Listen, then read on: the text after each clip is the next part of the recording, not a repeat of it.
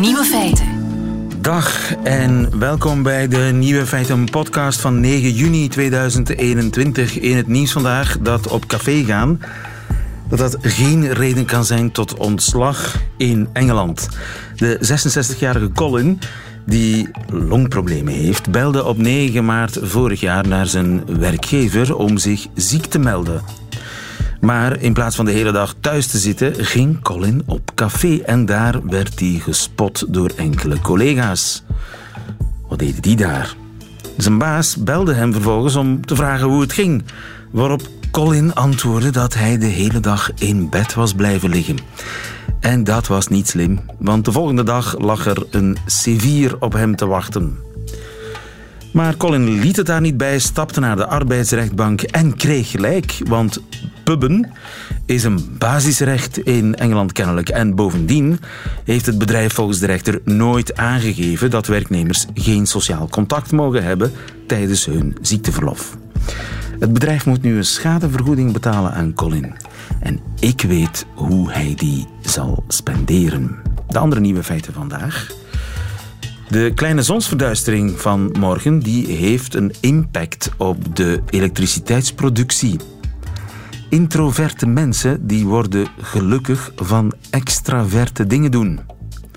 Aan de Universiteit van Gent hebben ze al becijferd wie het EK voetbal wint. En veel nieuwe feiten zitten ook in de woensdagquiz. En die van Lucas van Klooster, die hoort u in zijn middagjournaal. Veel plezier. Nieuwe feiten.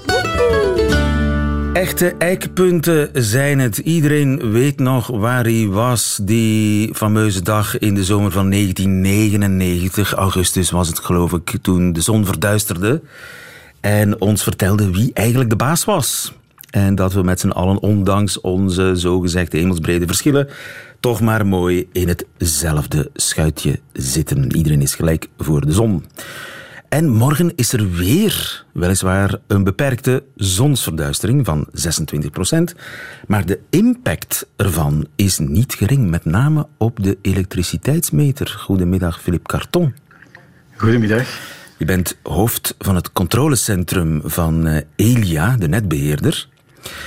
Morgen in België een gedeeltelijke zonsverduistering. 26% van de zon uh, wordt verduisterd. Gaan jullie dat voelen?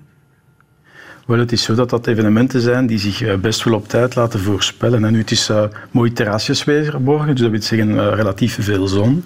Die zonnepanelen in België die zouden normaal gezien zonder zonsverduistering, laten we zeggen, een goede 3000 megawatt injecteren. Je hebt gezegd 26 procent, maar dat is iets meer in het noorden. In België is de voorspelling ongeveer 15 procent. Dus morgen zal er door de zonsverduistering een paar honderd megawatt, 400, 500 megawatt minder injectie zijn vanuit die zonnepanelen. Dat klopt. Dus jullie gaan het voelen? We gaan het voelen in die zin, de marktspelers die gaan het voelen, maar anderzijds, het is zoals ik zei, iets dat zich perfect laat voorspellen. Dus eigenlijk kunnen de marktspelers, zeg maar de leveranciers die energie kopen, verkopen, ja, die kunnen dat perfect inplannen. Ze weten dat er morgen een paar honderd megawatt minder uh, infeed gaat zijn van zonnepanelen, dus ze kunnen dat perfect op voorhand al zo goed mogelijk uh, inschatten. Dus eigenlijk is dit een fenomeen, het is natuurlijk wel typerend, hè, de impact van natuurfenomenen op hernieuwbare zal natuurlijk een rol spelen en zeker belangrijk uh, worden in de toekomst.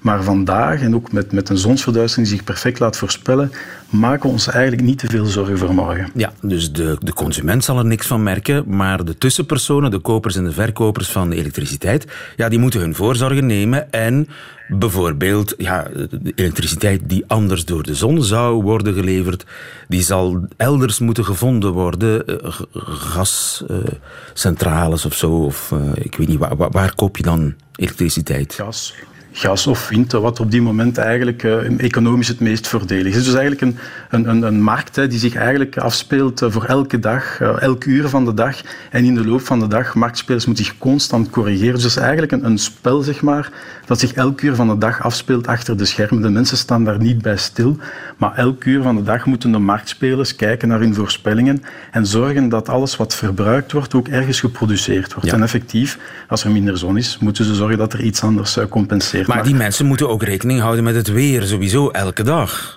Absoluut. En, uh, en in de toekomst nog meer dan vandaag. Ik denk vandaag, grote orde, 5000 megawatt zonnepanelen, geïnstalleerd vermogen, evenveel wind. Um, en gemiddeld zorgt dat voor ongeveer 18% van het verbruik uh, in België. Nu, we weten allemaal de ambities uh, van, van de Europese Commissie en iedereen eigenlijk naar de toekomst toe willen we naar 100% hernieuwbare gaan. Dus je kan je voorstellen dat in de toekomst dit soort van fenomenen zonne-eclipsen, maar ook uh, vooral uh, windvariaties, om storm maar niet te noemen, hè, storm op zee. Ja, de impact daarvan in de toekomst gaan we zeker en vast ons moeten op voorbereiden om zeg maar, die variabiliteit van, van de injectie, van de hernieuwbare, om die dan eigenlijk te gaan compenseren. Ja, want 15% minder elektriciteit morgen door die kleine zonsverduistering, dat is 500 megawatt, dat is ongeveer een halve kerncentrale. Klopt, inderdaad. En in de toekomst uh, zijn er geen kerncentrales meer en dan zal het voornamelijk hernieuwbare zijn. En dat is ook waarom dat wij toch al een tijdje oproepen, ook, uh, of, of, samen met marktspelers toch voorspellen, dat eigenlijk zie je een verandering van het systeem, het elektriciteitssysteem. Vroeger volgden centrales het verbruik in de toekomst zal het het verbruik zijn dat eigenlijk de, de productie van hernieuwbaar een beetje zal moeten gaan volgen. En dat is een, een hele uitdaging. Dus uh, op dit ogenblik wordt het aanbod uh, wordt daar aangesleuteld en aangepast uh, naar gelang de weersomstandigheden. Maar in de toekomst zullen wij allemaal dan meer ook naar het verbruik moeten kijken en dat aanpassen aan de weersomstandigheden. Klopt. En daar zijn we samen met heel veel partners, hè, want dat is natuurlijk iets dat we niet alleen kunnen op zoek naar manieren, zeg maar toepassingen, applicaties, uh, om dat eigenlijk de consument, moet ik zeggen, makkelijk te maken. Hè. Uh, ik denk dat niemand dat wil doen met verlies aan comfort. En als je een elektrisch voertuig hebt, dan zou je waarschijnlijk graag met een app kunnen instellen wanneer dat je wilt vertrekken met je wagen, hoeveel procent dat die moet opgeladen zijn. En dat er dan eigenlijk zeg maar, algoritmes of toepassingen op de achtergrond, zonder dat jij daar iets van merkt, eigenlijk het verbruik gaan afstemmen op inderdaad uh, het invoer of, of, de productie van hernieuwbare energie. Ja, Klinkt dat, eenvoudig, is het niet. Het, het lijkt inderdaad uh, niet zo simpel. Misschien dat een, een slimme app ons zal uh, leren om slim elektriciteit te verbruiken. Maar dat is dan de gewone consument, de gewone man zeg maar, of de gewone vrouw. Ja, de industriële spelers, ik, ik denk maar aan de supermarkten en hun, hun koelkasten en, en de industrie. Daar, heb je misschien meer impact op. Zo van, jongens, uh, er is heel veel elektriciteit, zet die frigo maar aan. Klopt. en dat gebeurt vandaag al. Eh, ik denk dat uh, inderdaad de grote industriële spelers vandaag, die, die kijken al naar de prijzen op de markt en passen zich aan. Wat we nu nog willen doen, is een stap verder gaan, om dat ook naar het huishouden te kunnen brengen. Dat, iedereen eigenlijk dat kan gaan meespelen. Maar het klopt volledig. Uh, ik denk dat het voorbeeld is van Colruyt, die als de prijzen zeer interessant zijn, zijn frigo's een graadje lager zet. En omgekeerd, als het minder interessant is, een beetje duurder, de frigo's een beetje, een beetje hoger laat gaan en eigenlijk niks verliest aan comfort, maar op zijn factuur wel het verschil zal, uh, zal gaan voelen. Absoluut. Ja, we moeten slim leren verbruiken naarmate we meer hernieuwbare bronnen gebruiken om elektriciteit te maken, zoals uh, windenergie en zoals zonne-energie. En een belangrijke reminder daarvan, van de fluctuaties daarin, is morgen de zonsverduistering. Mag ik u hartelijk danken, meneer Carton? Met plezier. Tot de volgende. Altijd benieuwd. Nieuwe feiten. Wie wint het EK? Wel, de wetenschap die weet het al. Goedemiddag, Christophe Leij. Goedemiddag.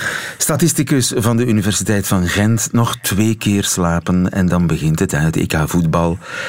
En ik heb een kleine spoiler alert, want u weet al wie de finale wint op zondag 11 juli. Ja, wel. Uh, weten is een, is een groot woord. Groot woord. Hebben... Maar u heeft dat wel becijferd, samen met een ja. uh, internationaal team van wiskundigen, computerwetenschappers, machine learners zitten ertussen. En ook Inderdaad. statistici zoals u zelf. Ja, dat is juist. Dus uh, dat is, een, een, zoals u zei, een internationaal team van, van uh, onderzoekers, uh, waarvan vanuit de UGent ben ik dat samen met mijn doctoraatstudent Hans van Eetvelde. En we hebben door onze verschillende methodes samen te zetten, hebben we honderdduizend keer het EK gesimuleerd en daardoor kansen gekregen voor elk land om op het einde het EK te winnen. En daar komt bij ons uit... Wacht, wacht, nog niet verklappen, nog niet verklappen. Okay, Was dat de eerste keer dat, dat jullie dat gedaan hebben, die berekeningen? Uh, nee, we hebben dat ook al gedaan voor de WK 2018, maar op een andere methode. Deze methode hier is nieuw en hebben we zo nog nooit toegepast. En zaten jullie vorige keer ver van de waarheid? Uh, vorige keer, daar waar, uh, we waren op de ene kant dicht, op de andere kant minder dicht. Um, we waren dichtbij. We hadden deelgenomen bij een internationaal voorspellingscompetitie ja. Uh, van meer dan 500 deel deelnemers. En daar waren we de tweede. Aha, maar jullie hadden toch daar fout voorspeld? We hadden fout voorspeld. Okay. We hadden Spanje als winnaar voorspeld, maar dat, daar was een probleem. Spanje had daar voor het begin van het WK de trainer veranderd. Ja, en, ja. Dat, is, dat, dat, dat kun je natuurlijk niet voorspellen. Nu, uh, de uitslag van een voetbalwedstrijd is volgens jullie redelijk voorspelbaar dan? Redelijk voorspelbaar, wel.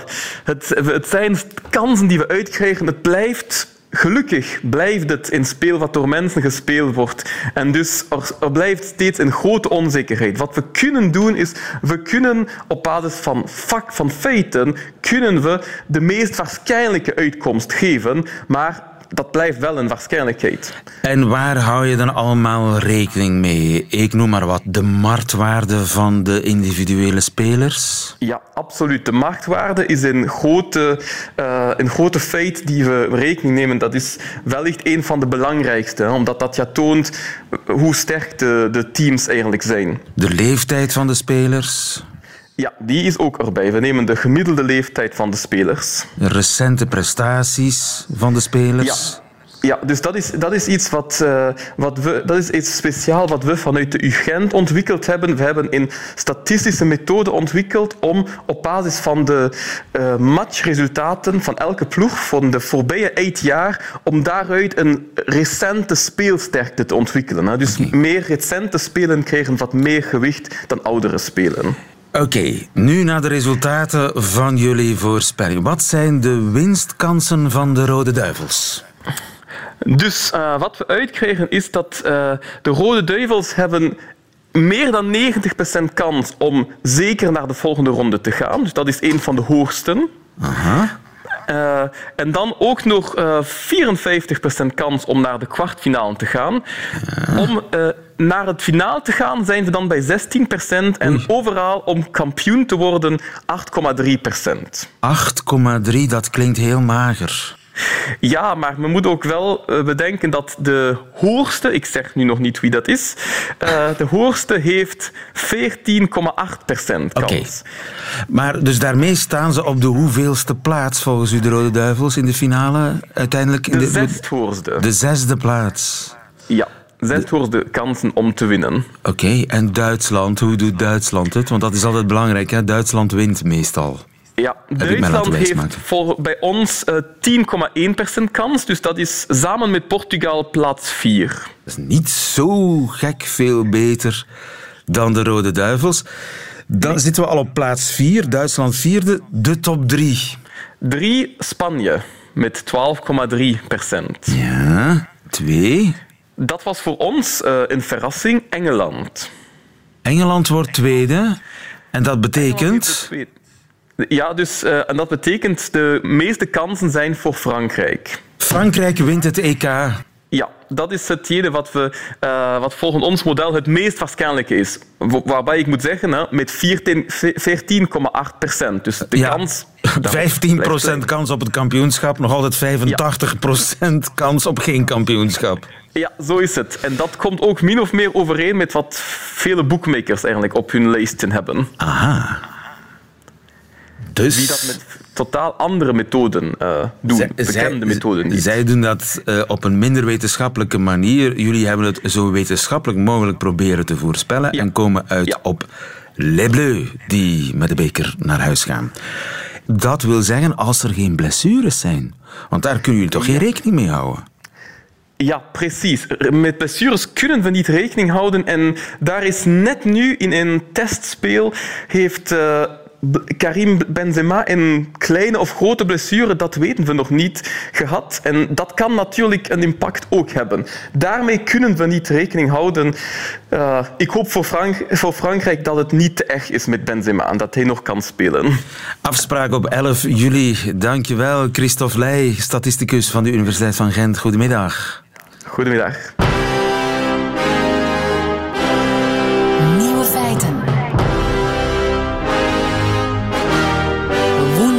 Woensdagquiz. De quiz die je wist dat zou komen, de woensdagquiz. We spelen voor 25 euro te verzilveren bij een uh, onafhankelijke boekhandelaar aangesloten bij Confituur. Goedemiddag Gilles Wijkmans. Hallo. Jury en bedenker van deze woensdagquiz. En goedemiddag ook Peter. Goedemiddag. Peter van der Mers uit uh, Lichtervelde. Wat was jij aan, aan het doen toen jij... Uh, sta je in een storm? Aan het windsurfen, precies. Ben je aan het surfen? Peter, wat gebeurt er? Leef je nog? Ik ben aan het fietsen. Ja, ik ben op weg naar huis. Stap af. Je kunt niet fietsend quizzen, Peter. Oké. Okay. Hoe bewonderenswaardig ook je, je, poging. Want de, de wind waait namelijk in je telefoon. En dat ja, zorgt voor okay. een, een soort orkaankracht 10 op de radio. Die we niet kunnen gebruiken, want we kunnen jou dan niet meer verstaan. Ja, geen probleem. Louise is je tegenkandidaat. Louise, goedemiddag. Goedemiddag. Dag Louise uit Keerbergen. Louise, wat was jij aan het doen? Ik zat, in mijn papa, wacht, ik zat met mijn papa in de auto op weg naar huis. Hoe oud ben je, Louise? Um, ja, dat straks was een fout. Ik ben elf. Je bent elf jaar. Gefeliciteerd, Louise. Een van de jongste deelnemers aan deze quiz. Ik heb voor jullie vier uh, meer keuzevragen. Ik begin bij Peter, want die heeft zich het eerste gemeld. En zolang hij juist uh, antwoordt, blijft hij aan de beurt. Bij een fout antwoord mag Louise een poging doen. En wie het laatste juiste antwoord heeft gegeven, die wint deze quiz. Is dat duidelijk? Ja. Dat zal wel zijn. Ja. Voilà, daar gaan we. Vraag 1 is voor Peter. Twee Amerikaanse meisjes van 4 en 9 stalen de auto's, de auto liever, van hun ouders. En die wilden ergens naartoe rijden. Waar wilden ze naartoe? A. Naar de Noordpool om de kerstman te ontmoeten. B. Naar Californië om met dolfijnen te zwemmen. C. Naar de nabijgelegen snoepjesfabriek om gratis snoep te krijgen. A, B of C, Peter? Uh, ik gok op B. Dat is helemaal goed. Jill? Ja, om drie uur s'nachts waren ze er voorop gestaan. Sleutels gepakt van de auto van hun ouders. En zijn dan richting Californië gaan rijden. Ze woonden in Utah, dus dat is wel een heel grote afstand. Vier en negen jaar oud? Ja, ja, maar in Amerika rijden ze met automatiek, hè, dus uh, dat, is niet, dat, is niet, zo moeilijk. Maar ze zijn ook niet ver geraakt, want na 16 kilometer hadden ze al uh, een auto en een vrachtwagen aangereden. Iedereen was gelukkig ongedeerd, want de kinderen waren wel zo slim om een gordel aan te doen. En de politie vroeg, waar gaan jullie naartoe? En dan was hun antwoord naar Californië om met dolfijnen te zwemmen. Ach, vraag 2, Peter. Nieuw onderzoek. Ja ontdekte dat fruitvliegjes superkrachten bezitten. Waar zijn fruitvliegjes toe in staat? A. Ze kunnen een afstand afleggen van 6 miljoen keer hun lichaamslengte. B. Ze kunnen in duikvlucht zo snel vliegen dat ze bijna door de geluidsmuur knallen. C. Wanneer hun lichaam 5 promille alcohol bevat na het eten van gefermenteerd fruit, kunnen ze toch nog in een rechte lijn vliegen. Uh, ik ga voor A. Dat is helemaal goed. Wauw. Mooi. ja. Kun jij nog in een rechterlijn fietsen na 5 uh, promille alcohol, uh, Peter? Ik ben zeker van niet. ik ook. maar dus uh, ze kunnen een afstand van 6 miljoen keer hun lichaamslengte afleggen, uh, fruitvliegjes? Ja, inderdaad. En voor de, als we dat in mensentermen gaan omrekenen, dan komt dat erop neer dat een mens 10.000 kilometer aan één stuk zou kunnen lopen of wandelen. 10.000? 10.000. En voor de record, het record van de langste onafgebroken trek van een mens is 560 kilometer. Dus we zitten er ver vanaf. Louise, gaat het nog? Ja. Want uh, de beurt blijft bij Peter. Hij is onverslaanbaar vandaag, zo lijkt het wel. Maar dat kan misschien veranderen met vraag 3. Elke keer. Wat werd onlangs in Hongkong voor een miljoen verkocht? Een miljoen euro. In Hongkong of in Hongkong, zoals sommige mensen zeggen. A. Een hondenhok. B. Een koersfiets, een racefiets. Of C. Een parkeerplaats. Wat kostte een miljoen in Hongkong? Ik ga voor de parkeerplaats. Dat is helemaal goed. Sterk. Heb je geblokt? Heb je gestudeerd? Heb je het internet afgeschermd naar alle mogelijke nieuwe feiten, Peter? Nee, ik vrees dat ik de laatste vraag ga mis hebben. Ah, oké. Nee, ja, het is puur, het is puur geluk, lieden. Puur geluk. Maar een miljoen voor een parkeerplaats, Gilles? Ja, want Hongkong is enorm dicht bevolkt, dus iedere vrije ruimte is bijzonder duur. En dus een parkeerplaats van 12 vierkante meter kost daar een miljoen euro. Wanneer komt het op 80.000 euro per vierkante meter? 80.000 euro per vierkante Yes. meter parkeerplaats. Ga er maar aan staan. Dit is eh, ja, de, de cruciale vraag voor Peter, vraag 4. Hij voorspelt dat hij ze zal mis hebben. De Nederlander Aad Peters bouwde een 70 meter lange replica van de Ark van Noah. Maar hij krijgt hem voorlopig niet uit de haven. Waarom niet? A. De boot lekt bij de minste regen. B. De ark is totaal niet zeewaardig. C. De kapitein bleek allergisch voor een paar dieren aan boord. Ik ga voor eh, C. De allergie. Fout. Louise, Ehm A. Fout. dat betekent dat we toch een winnaar hebben. Joepie, joepie. Ik ben voor mensen die joepie joepie zeggen. Peter, gefeliciteerd met Dank je u. 25 euro eh, boekenbon. Louise, helaas. eh, je bent er niet zo vaak aan te pas gekomen, maar Peter was ijzersterk. Ja, Ja, spijtig. Laat het niet aan je hart komen. Het leven is mooi, de zon schijnt en eh, er kan van alles nog eh, moois gebeuren vandaag, Louise. Peter, jij gaat er Ja. terug de fiets op. Waar ga je naartoe? Zeg niet naar naar. Californië. Ah. Nee, nee, nee, ik ga nu naar huis. En daar ga je eh, boterhammetjes eten en genieten van je overwinning. Weet je al welk boek je gaat kopen voor je boekenbon van 25 euro? Nee, ik ga de, ik ga de bon geven aan mijn vrouwtje. Zij is meer lezeres dan ik. Oké, het is een gebaar. Het is een mooi gebaar, Peter. Maar ik had jou een boek gegund. ja. Wie ook... Ja, eh, ja, zeg maar. nee, ik vond het gewoon geweldig om een keer mee te doen met de quiz. En eh, ik ben zeer content en nog blij met de bon, dus er zal zeker iemand tevreden mee zijn. Eh, het vrouwtje in Lichtervelde. Ja. Dankjewel, Peter. Goedemiddag.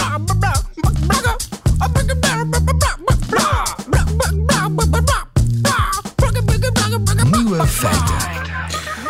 Bent u eerder het introverte type? Dan heb ik een tip voor u. Doe eens extravert, want daar word je gelukkig van. Blijkt uit onderzoek van Evi Kuipers. Goedemiddag, Evi. Hi, hi, hallo. Je bent eh, doctoraatstudent aan het eh, departement Arbeids- en Organisatiepsychologie van de VUB hier in Brussel. En je hebt onderzoek gedaan bij introverte mensen. Maar wat zijn introverte mensen? Wanneer is iemand introvert? Ehm, nou, we hebben niet per se gekeken naar alleen introverte mensen. Dus het gaat eigenlijk een beetje in het spectrum hè, van introvert naar extravert. En over het algemeen lijkt het dus zo dat extraverte mensen toch wat ehm, meer waarde hechten aan sociale interacties, wat opener zijn, wat meer houden van eh, sociale omgevingen. Terwijl introverte mensen toch wel wat meer op zichzelf zijn. Die kunnen makkelijk Dus, alleen zijn. ehm, We zijn eigenlijk gelukkig als ze in hun eentje zijn. Kunnen zich in stilte bezighouden, als het ware. Precies, precies. En zijn extraverte mensen gelukkiger? Ehm, nou, er is best wel veel onderzoek gedaan naar de relatie tussen persoonlijkheidstrek, extraversie en welzijn. En over het algemeen lijkt het dus echt zo te zijn dat extraverte mensen dus over het algemeen wel wat gelukkiger zijn. En eigenlijk wilden we bij ons onderzoek aan nagaan of die relatie ook stand houdt binnen personen. Dus als je bijvoorbeeld aan jezelf denkt, je hebt een beetje zo'n eh, ja, een, stabiel algemeen level van extraversie, zo ben je over het algemeen. Maar ja, in verschillende situaties kan je af en toe anders gedragen. Dus af en toe gedraag je je wat extraverter dan je bent en af en toe wat introverter. En wij hebben dus eigenlijk echt gekeken of, die af, ja, of dat afwijkende gedrag eigenlijk, dus dat zou je ook wel acting out of character kunnen noemen. Dus als je je anders gedraagt dan dat je eigenlijk bent, dat dat ook best wel vermoeiend kan zijn. Dus dat het ook wel negatieve effecten kan hebben. En dat is eigenlijk omdat je je dan uh, ja, eigenlijk niet authentiek gedraagt in die zin. Ja. Dus daarom hebben wij uh, in onze studie daarna gekeken wat er gebeurt als mensen um, ja, zich over een langere periode dus minder of meer extravert gedragen dan dat ze eigenlijk gemiddeld genomen zijn. En um, ja, in onze studie zagen we dus echt dat als je je meer extravert gedraagt dan dat je typisch doet, dat je dan meer positieve gevoelens zal ervaren. Okay. En ook als je je minder extravert gedraagt, dat je dan ja, wat minder positieve gevoelens uh, zult voelen. Maar dat druist een beetje in tegen ja, het principe van jezelf zijn, toch? Ja, dat klopt. Dat klopt zeker. Ja, dat zoals ik al zei, er is veel onderzoek naar extraversie en welzijn. Maar die afwijkingen van je gemiddelde niveau, zou je het kunnen noemen, um, daar is eigenlijk nog niet zo heel veel onderzoek over. Dus dat is, uh, dat is in die zin nog redelijk nieuw. Maar onze resultaten lijken dus inderdaad echt uit te wijzen dat um, zelfs die afwijkingen, dus het feit dat je je dan inauthentiek uh, gedraagt, dat die negatieve effecten dus niet opwegen tegen de positieve effecten van je wat extraverter gedragen. Het is vermoeiend om extraverter te doen dan je eigenlijk bent, maar die vermoeidheid weegt niet op tegen de positieve effecten daarvan. Ja, ja, die vermoeide effecten, dat is, een beetje, dat is nog uh, een beetje dubieus. Soms worden ze wel gevonden in de literatuur en de andere keren niet. Um, maar in ons onderzoek blijkt het dus echt uit te hebben. Dus gekeken naar wekelijkse effecten in een van onze studies. Dus inderdaad, als je het regelmatig um, extraverter gedraagt, bijvoorbeeld, of minder extravert, dan zie je inderdaad dat het nog steeds een positief effect heeft. En uh, hoe kun je jezelf extraverter maken? Moet je jezelf dan dwingen om naar een feestje te gaan en dwingen om daar met wildvreemden een gesprek aan te gaan? um, Zoiets? Ja, ik ben in die zin uh, geen, geen, geen expert in persoonlijkheidsverandering. Maar je zou inderdaad wel echt kunnen zeggen dat ja, je toch wel bepaalde stimuli opprikt van je omgeving. En dat je die situatie ook kunt selecteren. Hè? Dus uh, om je dan meer extravert te gedragen, zou je dus meer op zoek kunnen gaan naar activiteiten waarbij het meer tot uiting komt. Maar Um, ja, ik zou zeggen dat je gewoon kleine stapjes moet nemen. Dus inderdaad net wat vaker uit je comfortzone treden. Dus misschien toch die presentatie geven of toch even een babbeltje maken. Um, dus dat gaat echt om die kleine stapjes om je af en toe net even wat um, extraverter te gedragen. Ja, want mensen zien daar vaak ook tegenop. Hè. Het is ook een soort van... Ja, ik, het, ik durf het woord luiheid niet gebruiken, maar het is soms ook gewoon makkelijk om introvert te zijn. Ja, ja, dat is klopt. Maar ja, als we dus het, ja, dit onderzoek kijken, zou het dus inderdaad toch wel, als je het wel doet, uh, dat het toch wel positief kan zijn. Doe eens een uh, inspanning en je zal ervoor uh, voor beloond worden. En extravert acteren kan soms positieve effecten hebben, blijkt uit onderzoek van Evi aan de VUB. Dankjewel, Evi Kuipers. Goedemiddag. Dankjewel.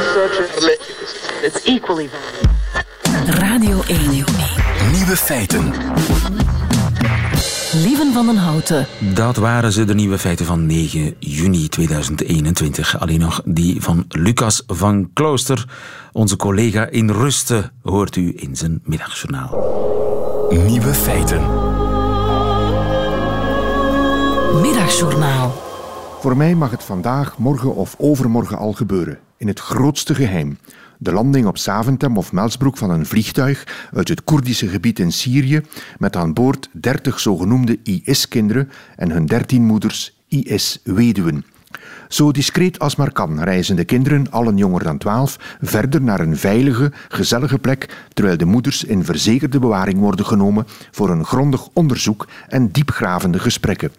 De kinderen vinden daarna, hopelijk gezond en wel, onderdak bij hun grootmoeders die met IS en de radicale islam niets te maken hebben.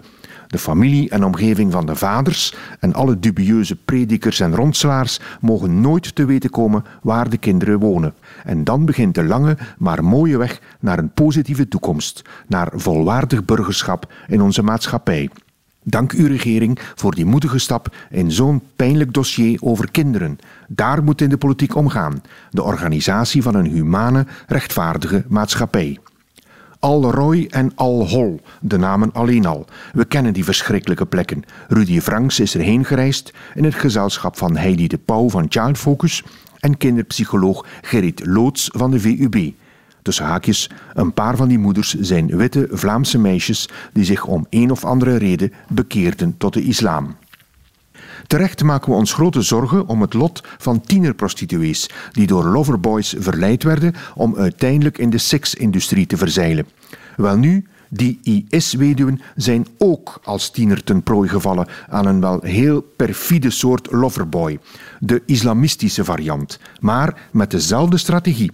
Het gaat altijd om zwakke en kwetsbare meisjes uit moeilijke gezinssituaties, vaak wonend in of weggelopen uit een tehuis. Het is erg dat mannen die het slecht menen hun slachtoffers zo gemakkelijk vinden en kunnen overtuigen.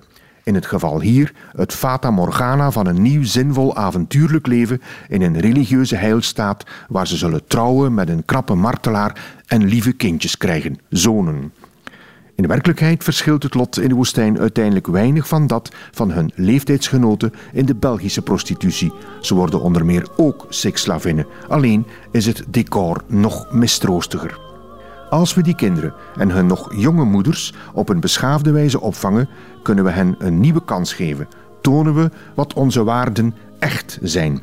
En wat de veiligheid betreft, iedereen die daar iets over weet, zal u zeggen dat het allergevaarlijkste is kinderen en moeders ginder te houden, waar ze vroeg of laat van de radar verdwijnen.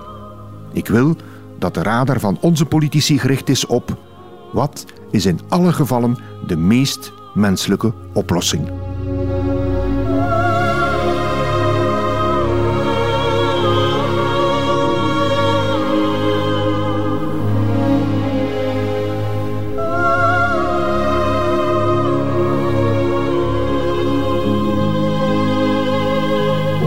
Hij even kwijt. Lucas van Klooster 1, het middagjournaal. Einde van deze podcast. Hoort u liever de volledige uitzending, dat wil zeggen met de muziek erbij? Dat kan natuurlijk via onze website of via de Radio 1 app. Tot een volgende keer.